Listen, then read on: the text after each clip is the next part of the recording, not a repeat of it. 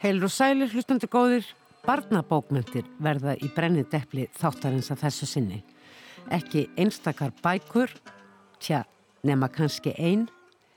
Því fyrst og fremst er von á góðum gestum hingað í hljóðstofu, tveimur fulltrúum úr stjórn nýstofnas félags um að koma á fót heimili barnabókmynda á Íslandi í þeim tilgangi að varveita, ebla, styrkja og veksama barnabækur og höfunda þeirra jamt mynda sem texta. Það er setjast hér hjá mér rétt og eftir Sigrun Klara Hannesdóttir, fyrrum landsbókavörður, Marja Hjálmtísdóttir, ástríðu áhugamanniska um barnabókmyndir og Bergrún Íris Sævarsdóttir sem hefur skrifað heilan helling af barnabókum. Undir lokþáttar flyttu svo Kári Túliníus þriðja og næst síðasta pistilsinn um bókmyndir í Bókmyndaborg eins og þar blasa við ofan af Móskars hnjúkum og nú einbeitir hann sér að efnahagslegum forsendum bókmyndana. En við skulum byrja á því að skeima öll út í heim.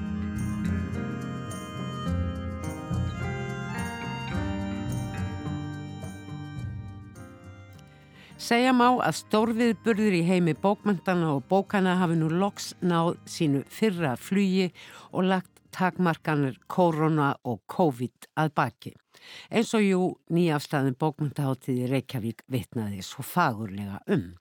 Og á þessu ári fögnuðu líka stóru bókamessurnar í London og Bologna sínu frelsi Í haust verður svo svo stærsta í Frankfurt, væntanlega á fljúandi fart og fyrir rúmri viku voru tjöldin feld í Leipzig í Þískarlandi eftir vel hefnaða messu. Bókakaupstefnan eða bókamessan í Leipzig á sér fastansess í Þísku bókmyndalífu og er að jafnaði haldin á vorin en hún er að þýleiti ólík flestum öðrum bókamessum í Evrópu og jafnvel víðar að það er mikil áhersla lögð á lesendur og dagskrá viðburða í samræmi við það. Svo eiga sér auðvitað líkast að hefðmyndnir viðburður í tengslum við nýjútkomnar bækur, höfundar og þýðendur og bókmynda umfjallendur ræða saman líkt og varju á bókmynda hátið hér í Reykjavík nýverið. Og svo eru veitt verðlun sem í flæði allra bókana sem gefnar eru út eru mikilvæg til að vekja aðtegli á einstökum verkum sem annars svo miklu, miklu færri vissu að væru til. Stóru velunin á bókamessunni í Leipzig eru veitt fyrir besta fagurbókmyndaverkið, besta fræðilega verkið og bestu þýðinguna. Ég hef auðvitað ekki haft tækifæri til að lesa neinar þeirra bóka sem nýlega voru tilnemdar og svo verðlaunar á bókaköpstefnin í Leipzig en það er gaman að kynna sér ögn þær bækur sem í bókmyndalífi einstakra landa er stilt upp sem þeim bestu. Svona úr fjarlægð og án þess að þekka til bókan eins og áður sagði þá vakti það aðtikli mína að allar veljónabækurnar voru með einhverjum hætti sögulegs efnis. Það er sóttu efni við sinn til fortíðar og það fortíðar sem ekki likur svo langt að baki. 20. öldin er sögusviðið og í öllum tilvikum eru konur í forgrunni. Þannig gerist skáltsaga argentísku skáltkonunar Áróru Venturini um miðbygg aldarinnar en bók hennar Prímas var einmitt velönuð sem besta þýðingin. Ég hafði aldrei heyrt nafn Áróru Venturini fyrr en komst nú að raunum að hún átti langan feril og skrifaði tugi skáldsagna en hún lést árið 2015 83 ára að aldrei. Skaldsagan Príma sem Jóhanna Svering þýðir sem frangurnar til kúsínin yfir á Þísku en bókin kom út á síðasta ári og það er ekki minni manneskja, minni höfundur en Mariana Enríquez sem við áttum svo áhuga að verða stundir með á síðustu bókmynda áttíð Reykjavík sem skrifar eftirmála. Frænkurnar er saga um unga stúlku sem elst upp í miklum kvenna fanns, móður, sýstur og frænkna við erfiðar fjárhagslegar aðstæður. Jóna heitir unga stúlkan sem gengur ekki vel í skóla og er til stimpluð illa gefin og að ekki sé mikils af henn að vænta. Það fer vissulega á annan veg því í myndlistinni finnur hún leið til að tjá sig. Þetta er með öðrum orðum að hluta til listamanna, róman, þroskasaga en einnig að því er virðist söguleg skáltsaga um stjættabaróttu og hlut kvenna í henni í Argentíni í kringum 1940. Einmitt á þeim tíma sem höfundurinn sjálfur líklega var í sömu sporum og söguhetja sín en fyrsta skáltsaga Áróru Venturini kom út árið 1942. Svo virðir sem La Prima sé fyrsta bók Venturini sem nær útbreyslu út fyrir hinn spænskumælandi heim en sagan kom út í Þískalandi í fyrra og í hinnum ennskumælandi heimi í ár. Í floknum bækur á fræðilegum nótum sem inniheldur margvíslega verk sem byggja á sögunni og fræðum, æfisögur jæmt sem fræðiritt og velunabókin þar á bókamessinu í Leipzig var einmitt æfisaga. Bókin heitir Bitrir brunnar eða Bitri brunnen og segir æfisögu hertu nokkurar Gordon Valcher sem fættist inn í fátaka geðingafjölskyldu í Königsberg í Þískalandi og var snemma sósialisti. Hún fylgdi Klöru Zetkin að málum og var lengi yngarítari hennar. Með valdatöku nazista flúði herta til London en sneri eftir stríðið aftur til Þískaland og settist að í Östur Þískalandi þar sem baráttan helt áfram. Höfundur bókarinnar, Regíni Scher, þekkti hertu persónulega og er bókin afrakstur ótal samtalaði gegnum fjölda ára þar sem höfundurinn mátti þó korki skrifa nokkuð niður nýja taka upp. Að samfundunum loknum reyndu hún svo að skrifa niður eftir besta minni þar sem farið hafði fram og nú áratögum frá fyrsta samtalinu var til velðunabók að segja má speigil heillar aldar frá sjónarhóli baróttukonu sem tók sér stöðu í annari röð á samt svo mörgum öðrum. Að lokum fá einn orð um verðlunabók bókamessunar í Leipzig nýverið í flokki fagurbókmynda. Það er víðarinn á Íslandi sem bækur eftir höfunda sem eiga rætur að rekja út fyrir landamæri einstakra landa og skrifa á tungumáli sem ekki var talað á heimili þeirra eru að ná máli í bókmyndalífi viðkomandi landa. Þískaland með sín í gegnum söguna breytilegu landamæri á sér nokkuð lengri sögu innflytjenda í samtímanum en flest önnur ríki Evrópu. Það var nefnilega strax á sjönda áratug síðustu aldar þegar Þíska efnahagsundrið var í fólksving að teki var til við að sækja nöðsynlegt vinnuafl til annara landa, engum Tyrklands en síðar einnig fyrir Mjúkoslavi og fleiri landa. Það var talað um gastarbæter gesta verkafólk. Önnur og þriðja kynslu þessa fólk sem nú löngu vaksin úr grasi og hefur um margt blandast ágætlega orðið virkir þáttagendur í samfélaginu á mörgum sviðum.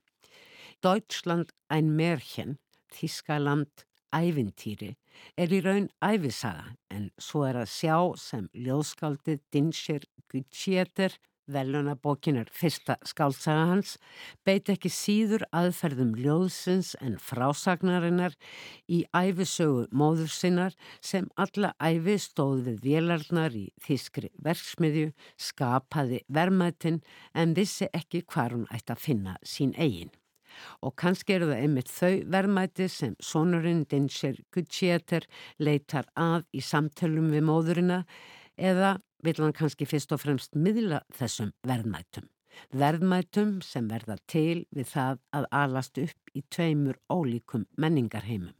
Bókin verðist nefnilega ekki síður vera æfisaga Dietzschers sjálfs í ljósi alls þess sem hann meðtóki gegnum móður sína. Þetta tvístig á milli menningarheima hefur oft verið umfjöldunarefni í bókmyndunum í gegnum tíðina, ekki síst í sögulegu samhengi. Því það er ekkert svo langt síðan fjölbreytileg samsetning íbúa landa í hreymanleika samtímans var viðfangsefni skálda. Skálda sem þekkja slíkt á eigin skinni, þekkja hinn framandi heim en þó kannski enn betur heiminn sem þau beina skáldskap sínum til og mikið var það tákgrænt að sjá í myndmanns upptöku frá veluna veitingunni í Leipzig Dinscher Gutschéter kalla upp á svið til sín alla höfundana sem tilnendur höfðu verið til fagur bókmöntaveluna bókakaupstefnunar í Leipzig. Þau væru öll hér með verðlunuð. Es kommt eine neue Generation, die ich sehr schätze und die mit Macht, mit Hierarchien, mit Erfolg ganz anders umgeht. Und deshalb meine lieben Kolleginnen Clemens Ég gerir mér ekki grein fyrir hvort Dinscher Gutsjeter var elstur þeirra sem tilnefndir voru en hér fagnar hann nýri kynslu höfunda sem taki með nýjum hætti á valdbeitingu, virðingarstegum og árangri. Það augljóst að Þískaland æfintýri er ljóðræn frásögn eins og áður sagði. En Dinscher Gutsjeter hefur fram til þessa helgað sig ljóðum auk þess að reyka eigin forlag. Sín eigin verk hefur hann hins vegar gefið út í þíska forlæginu Eilíf en einmitt hjá því forlægi hafa á síðustu árum verk fjölmarkra íslenskra höfunda komið út engum ljóðskálda og á þar Íslandsvinurinn Wolfgang Schiffer drúan hlut að máli en honum þakkaði veluna hafinn Dinscher Gutsjeter sérstaklega á bókamessinu í Leipzig nýverið.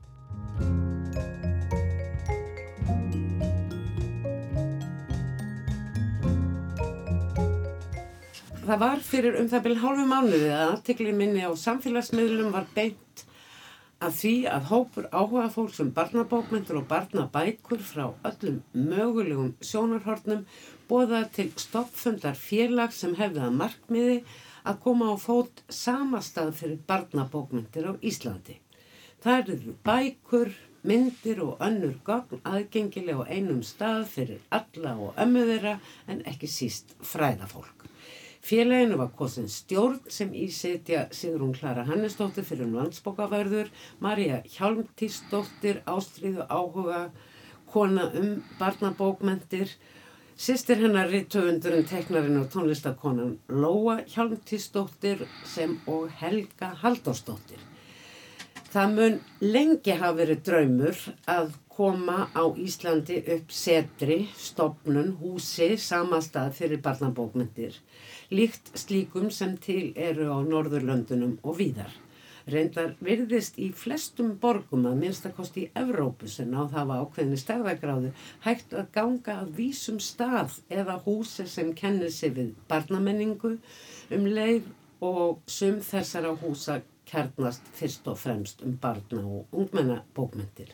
Það er má til dæmisnefna sænsku barnabókmyndastofnunina, Svenska Barnbúk-institutet sem er miðstöður ansókna og samræðu um barna- og ungmennabókmyndir og hefur, eins og segir á heimasíðu stofnunarinnar, frá upphafi, það er árið 1965, unnið að því að styrkja stöðu barnabóka, auka þekkingu á þeim og uh, þar starfa samkvæmt heimasíðunni alla jafna tíu manns auk forstöðumanns bókasaps og upplýsingafræðingar, nokkrir fræðimenn á sviði barnabókmynda eru þar í fastu starfi auk tilfallandi verkefnabundina sérfræðinga við sérstök verkefni og uh, þá uh, koma þar til starfa líka fræðimenn og doktorsnemmar á sviði barnabóka, bókmynda og svo framvegis.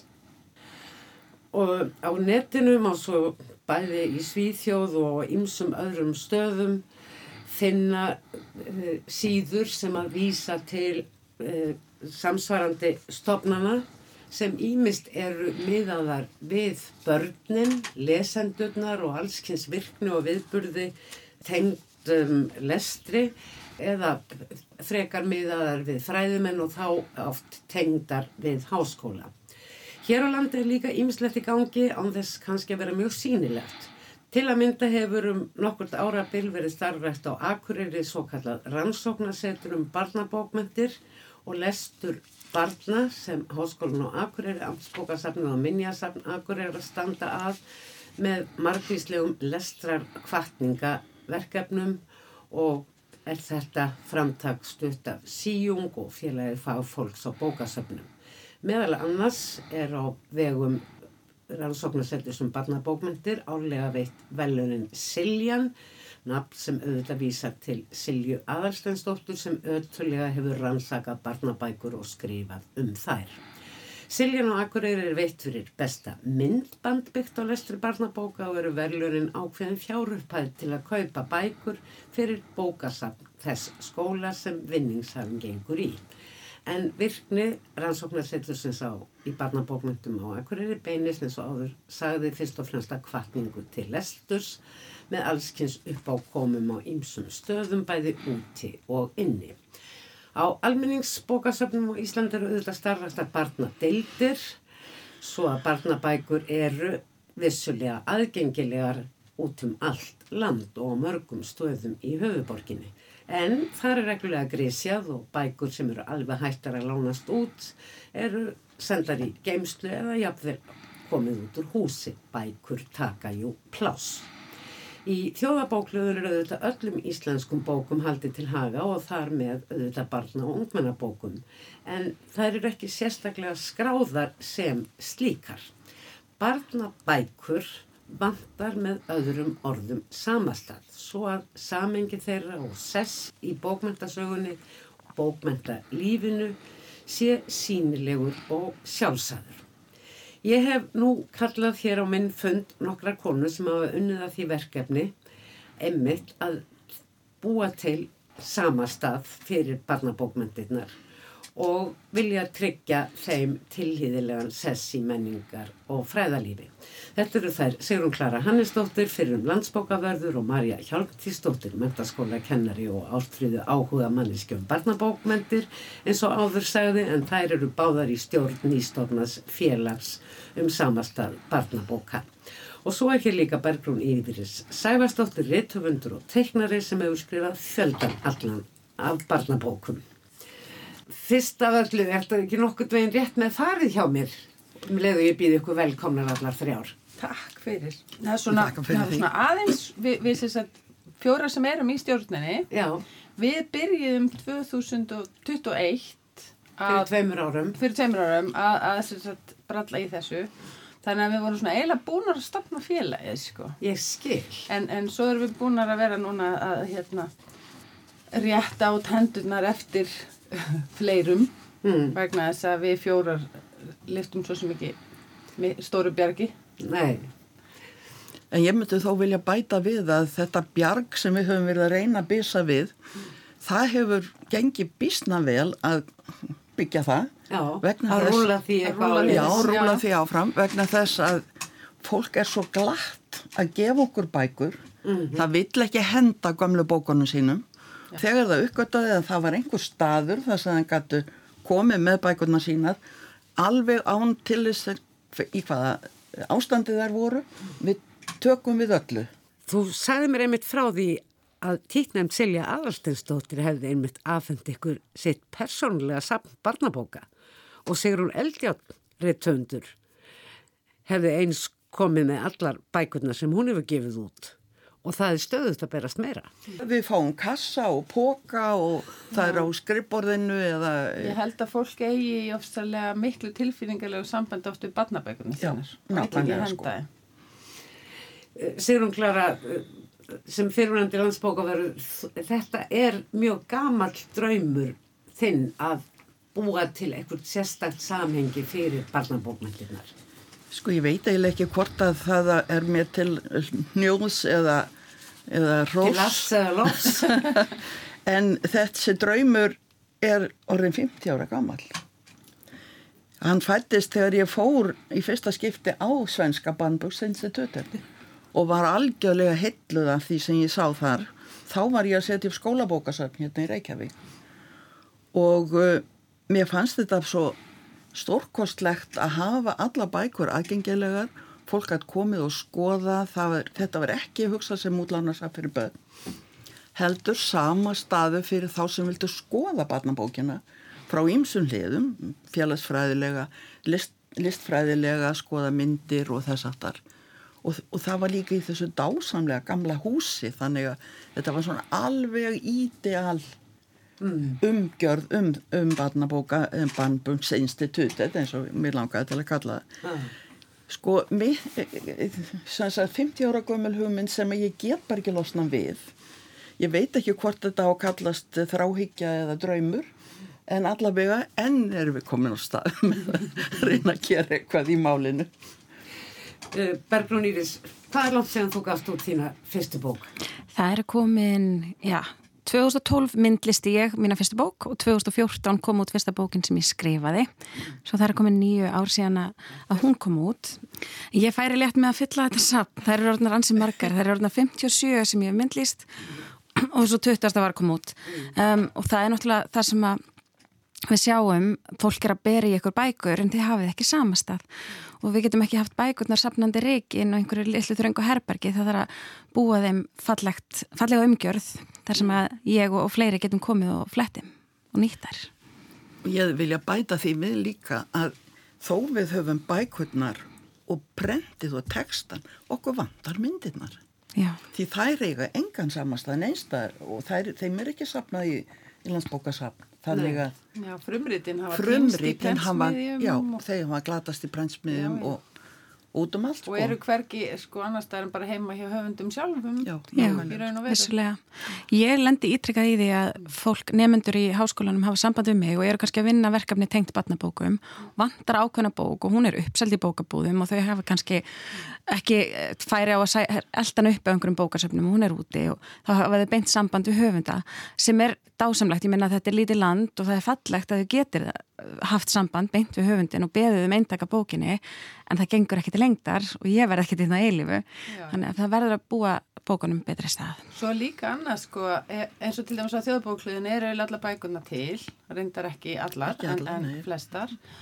En þegar þú ferð þangað þá verður að vita hverju þú ert að leita. Mm. Þannig að þú getur ekki uppgötvað neitt. Nei. Skilur, gamalt. Ég fletti til dæmis upp á leitir.is uh, og gaf upp leitarorðið barnabókmentir og ég fekk upp tíu færslur, sjö greinar og þrjár bækur og þar á meðal var til dæmis ekki öndvegisrið Silju Aðalstensdóttur um barnabókmentir frá 1870, eh, 1880 70, það ekki? 70, 70 1971. Já, til, til 1979 Já, sem 79. kom út 1984 það er 40 ár síðan og auk þess hafa síðan þá komið út nokkrar bækur um barnabókmyndir til dæmis um höfundaverkvörunar Helgadóttur og, og Rattir barna og, Já, Dagný og- Kristjáns Já, hefur gefið út. nákvæmlega. Og fjöldin allir að greinum líka. mikill Og fjöldi ritgerðir. greina en þetta segir bara sína sögu um það hversu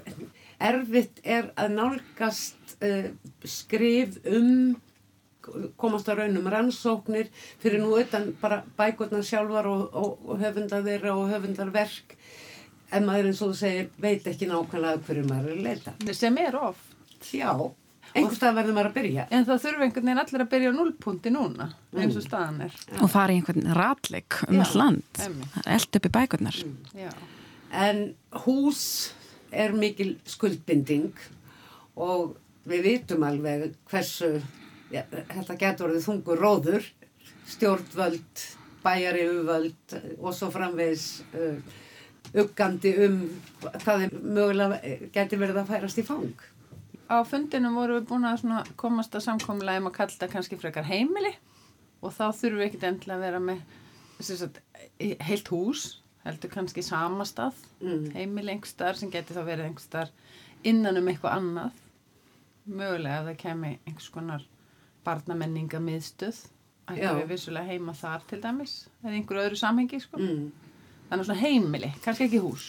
Gerðuberg hefur kannski verið svona hálfpartin heimili, þar eru ranns- eh, ráðstefnur um barnabókmyndir haldnar, þar hafa verið haldnar síningar á þetta vilja börnin sjá og eh, myndverk úr barnabókum og jafnvel síningar á bókum.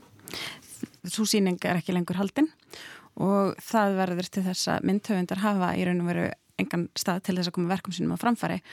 Og ég sé fyrir mér að því að mér finnst við eigum alveg að hugsa stort og lefa okkur að hugsa hús og hús með Já, síningarsal og ráðstefnusal og öllu saman. Og þar væri hægt að setja upp síningar á mynd, myndverkum. Um, þetta er náttúrulega alltaf hinn ósynlegi höfundur, myndhöfundurinn. Það er lítið, honum er lítið sent honum er, honum er lítið hampað með að við oft textahöfundin, Íslandingar eru mjög mikil textaþjóð, við eigum að til að halda texti sé æðri öllu Alfa Það er- omega. það er náttúrulega sko myndhöfundurinn, myndlýsandinn, hann er eins og einn ykkar sagði mér, forki myndlistamæður nýja rítuhund. Já, við föllum svolítið millið hann að þessu breggju, sko. Hann er nú eiginlega bæði, hann er hvoru tvekja. No, en svo ef þú opnar gamla barnabók og ég hef bara fylst með því, alltaf þegar fólk opnar barnabók sem það las sjálft sem barn, það eru myndirnar sem að vekja þetta, oh, wow, ég man, það eru tilfinningar. Og það er 100% þarna á Já, myndinni og, og þú mannst ekki endla textan en þú gjör það ekki myndinna því að þú skoða þér ofta áður en þú byrjar að lesa líka. Mm. það ekki það svo vel. Akkurat. En mér langar til þess að, að bara lýsa málinu eins og það blasir við. Barnabókin er óskaplega neðalega á lista yfir menningavermæti í íslenskum huga mm. og uh, við höfum séð alveg skjálfilegar sögur eða skjálfilega hluti gerast varðandi barnabókasöfn uh, þar sem að bækur þeim er bara hendi í kassavísko mm. og ekki eins og hirtum að skoða hvað er í kassunum ég veit ekki hvort þú vilt heyra svona ljótustu sögurnar en Nei, ég hef ekki haldið okkur við, við en, en það sem að það, það kannski það sem hefur sem sagt ekki leift mér að hætta þessari hugssjón mm. að þess, þetta verður að vera til. Barnabókin er grunnurinn að íslenskri menningu. Mm, og það er meira en bara bókmyndunum, þetta er svo mikið menningaverðmætti sem líka í því hvernig, hvernig sínum við samfélagið á hverjum tíma. Mm. og til þess að, uh, að uh, þetta nái þeirri virkni og, og uh, almenniri aðtegli og sé með í umræðinu þá þarf þetta að vera einhver staðar þessar þessa bækur og þær með ekki vera bara einhver staðar upp í hillum það þarf að skrá þær. Mér skildist þegar ég ringdi í því í gær sigur hún klara að þú væri bara he heima hjá þér að, að, skrá. Nei það er síður eins og að ég sé að ég heima hjá mig því að við erum með fjögur þúsund bækur upp í Kjeldnaholti og, og þar hef ég verið að skrá. Og, og uh, það er minnst að máli Er það einhver geimsla? Það er geimsla, já, geimsla sem við höfum núna á meðan við getum borga leiguna. Já, það, þið er að vera búin með það, Já, um, mér langar að skora á heimabæin minn Hafnafjörð, nú var ég bæjarlista með þar eitt ár og þetta er fæðingabær Guðrunar Helgadóttur og við hefum oft talað um Hafnafjörð sem svona bó, uh, bæ barna og bóka og ég vil bara skora þig að láta slag standa og skaffa okkur húsnæði undir þetta sapn. Ég held að við ættum vel heima þar. Við erum með frábæra höfundar sem koma frá Hafnafjörði eins og Gunnar Helgason og Bryndisi Björgvins og, og sjálfa mig. Þannig að það er að nú að taka og ég sé alveg fyrir mér að Hafnarfjörðabær geti hýst þetta vel. Er ekki einhver hús í Hafnarfjörði? Það er einhver hús í Hafnarfjörði. Þetta er í hug hérna gamla beggubúð. Nei, ég segi svona, ég ætla ekki að fara. Til dæmis? Já, það er rosalega fallegt hús. Já, það er fallegt hús. Sem á að flytja. Við erum opnað fyrir öllu, en ég er líka bara svo brjálæslega bjart sín, en ég veit að þetta er spurning um að bjarga íslenskunni. Mm. Ef einhver hefur setið með tíu Já, bara, ég vinn í mörgurskóla, ég skal skrifa undir þetta. Akkurat, og ég er full að trúa því að stjórnmálmenn, bæði þingmenn og bæjar fulltrúar hér og þar vilji mæta til leiks og, og láta slagstanda með okkur. Það er búið að banka og alveg ótæljandi dyr hér allt í kring. Þannig að Hafnarfjörður er okkar fyrsta varf. ég segi bara orð ykkar allra í Guðs og stjórn nefnda þessa samfélagseiru og þeirra sem halda um, um pingjur því að auðvitað kostar þetta peninga Já. og þetta er ekki þannig er ekki verið að uh, kasta fjármunum á glæ heldur verið að fjárfesta til framtíðar framtíðar sem já, við vitum ekki annars hvernig er þetta þetta er einn hluti af því að viðhalda menningunni og eins og þú segir Bergrun Íris tungumálinu Sigrun Klara Hannesdóttir, Bergrun Íris Sæfarsdóttir og Marja Hjalmtísdóttir takk okkur kærlega fyrir komuna og takk fyrir að upplýsa okkur um þetta samhengi. Ég held að það sé mikilvægt að allir viti af þessu. Þetta er ekki eitthvað sem maður er að hugsa við almenningur erum að hugsa um á hverjum degin. Takk fyrir að fá okkur. Það var gaman að koma takk. og bera út bóðskapin. Mm. Aðeins stoppa smástund en ég ætla að þakka ykkur enn og aftur Sömuleið mm. Já, Rósa ringir strax. Ég er oft búin að hugsa þetta. Mér langiði alltaf svo að bekkabúð er þið, það er alltaf lítið hús fyrir allt safnið, en það væri svo fallegu frontur. Það væri svo fallegt sem svona, eins og ég segi, andlit og svo væri hægt að hafa megnið af safninu annars það. Svo er líka hægt að sko, vera í einhvern samstarfi við byggðasöfn og svona. 100%. Já, já. Það meikar alveg sens. Við erum með farandsýningar og... Við ekki taka það með? Takk þetta. Ég fer með kassa núna. Fyrst ég hefði hérna Bergrún Íris þú varst að senda frá þér hvað, 57. bókina? já, já, sem ég hef teiknað 20. bókina sem ég hef skrifað mm. þannig að það eru og tímamót Við erum enn meðan Röggvald og oh, við fannst bara viðegandi í beinu framaldi af þessu samtali um uh, samastað og söfn og ímislegt uh, að, að heyra yfir aðeins um þessa bók vegna þess að þetta er ju bók um bókasöfn og mikilvægi þeirra og hvað þau eru skemmtileg og, uh, og, og, og hvernig hægt er að umgangast því að bókasöfn eru jú kerfi. Já og greiðastæður og samkominnstæður og bara ég elska bókasöfn svo mikið ef maður er með bann svona eftir skóla og vil njóta síðdegisins fyrir heldur en að kalla það úlvatíma og pyrra sig þá fer maður á bókasöfnið. Og í þessari bók um, við byggumst nú við í síðustu uh, lang elstur að eilífu bókinni að þar væru endalókin. Já, Því ég held það sjálf. Rökkvaldur gekk á við feðra sinna. Emmitt. Jú, en, ég, er búin að sirkja hann mikið, sko.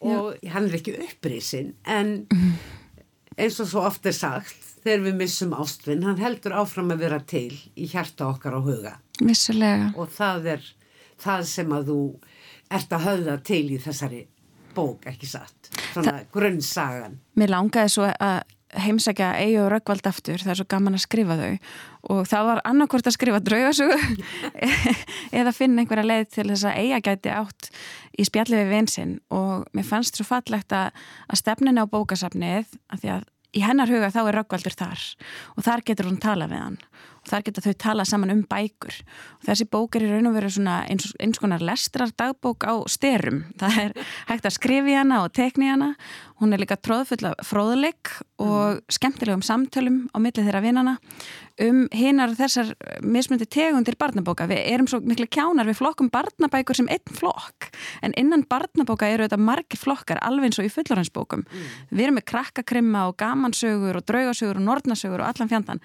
Þannig að mér langaði að búa til bók sem fjallar á einhvern hátt um það. Svona bókmyndafræði kennsla í, í bland við grín og glens. Já og svona kenna á bókmyndalífið og hugsa um hvaða leikir felast í því því að auðvitað eru allar þessar allir þessir mismunandi flokkar þetta er ákveðin leikur Akkurat. sem okkur finnst gaman að leika og, og finna okkur í Akkurat, algjörlega. Mm. um, Eiga eru auðvitað mikil lesturarkelling sko og tókst að kenna besta vini sínum að lesa. Hann var á og 96 ára þegar hann læriði það loksins en honum tókst það. Og mér finnst svo gaman að tala við krakka um bækur að því að þau lesa uh, á mjög fjölbreytan máta. Þau lesa til dæmis með eironum mjög mörg, mm. með því að hlusta á hljóðbækur. Og mér finnst ekki að við erum að gera lítið úr því. Og þau lesa líka myndir. Mm. þegar þau lesa myndasögur þá eru þau að vissulega að lesa. Og þú fjallar um þetta allt saman Já. í þessari bók. Stutt og laggótt og eins og ég segi uh, og svo má tekna og lita og segja frá því sem fyrir auguber á bókasafnu og mjög öruglega gaman að fara á bókasafn einmitt í tengslum við að hafa lesið þessa bók. Eða með hana með sér í töskunni með hana með sér, ég sé fyrir mér þetta sé svona bók sem þú einmitt hefur með þér. Þú ert að fylla út hvað þú ert búin að vera að lesa og ég líka það sem með langaði mest að gera því ég fæ mjög margar fyrirspurnir hjá frá börnum sem spurja hvað á ég að lesa næst? Þegar, ef, ef ég fílaði hérna kennarins að hvarf hvað á ég að lesa næst? Og ég er alltaf að mæla með bókum eftir aðra höfunda og ekki bara nýjastu bókunum heldur líka bókum sem ég las sem barn. Svo í þessari bók þá er ég með ég mæli með einhverjum tögum bóka mm. eftir aðra höfunda mm. til þess að aðeins að vika sjóndildarhingin það er ekki bara það sem kom út á síðasta ári. Bækur er ekki einnota það er ekki svona uh, skyndibiti. Og það er falla aldrei úr gildi. Mm. Nei, þetta er bók sem ætti að vera til á hverju barnaheimili, í hverju fjölskyld. Takk fyrir það. Mm. Bestu þakkir fyrir komina og gangi ykkur svo vel með barnabóka heimilið. Kærar þakkir.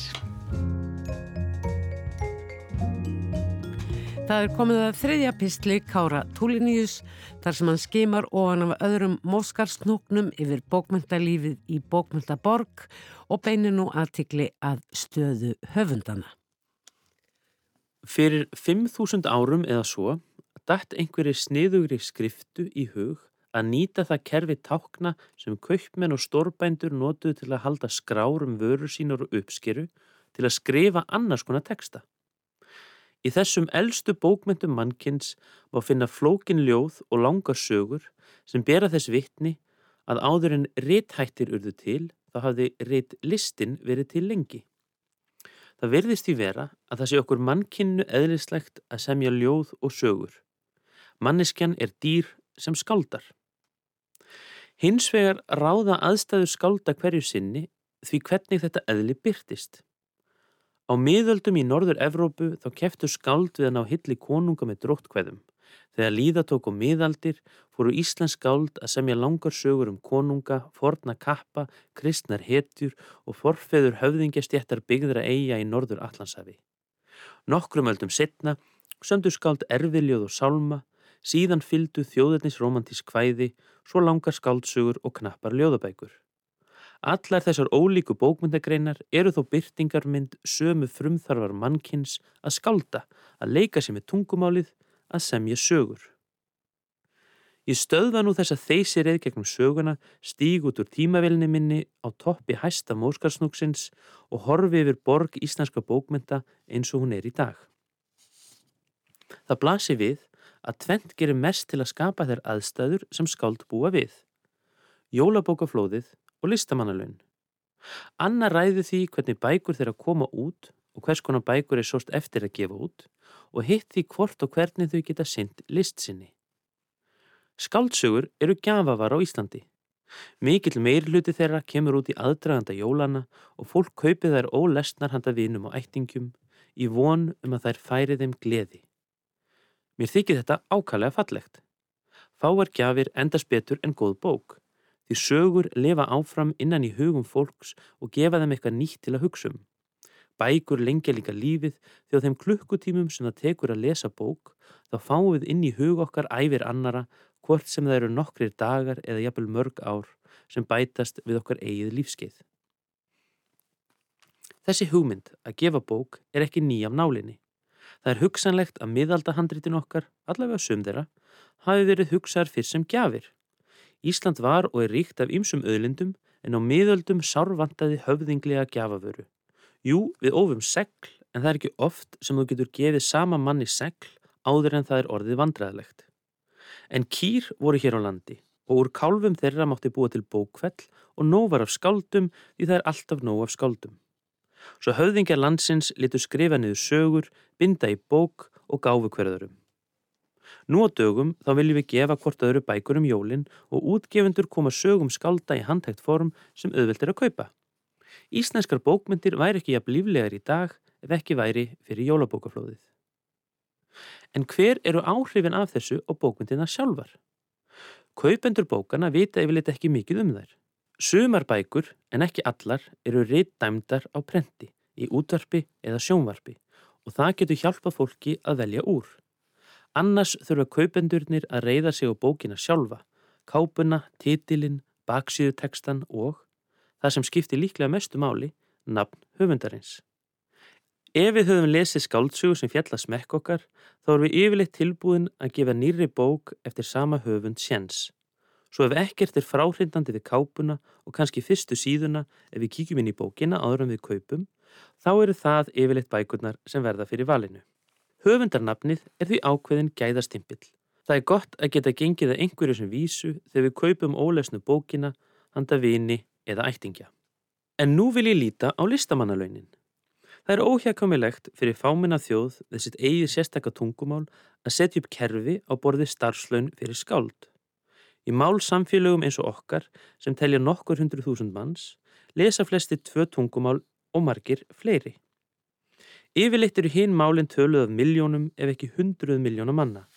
Það er því alltaf fjárraksleg pressa á íslenskum rítöfundum að skrifa á öðrum málum þó ekki væri nema vegna þess að markaðurinn er stærri og því meiri möguleikar að geta lifað af skrifum sínum.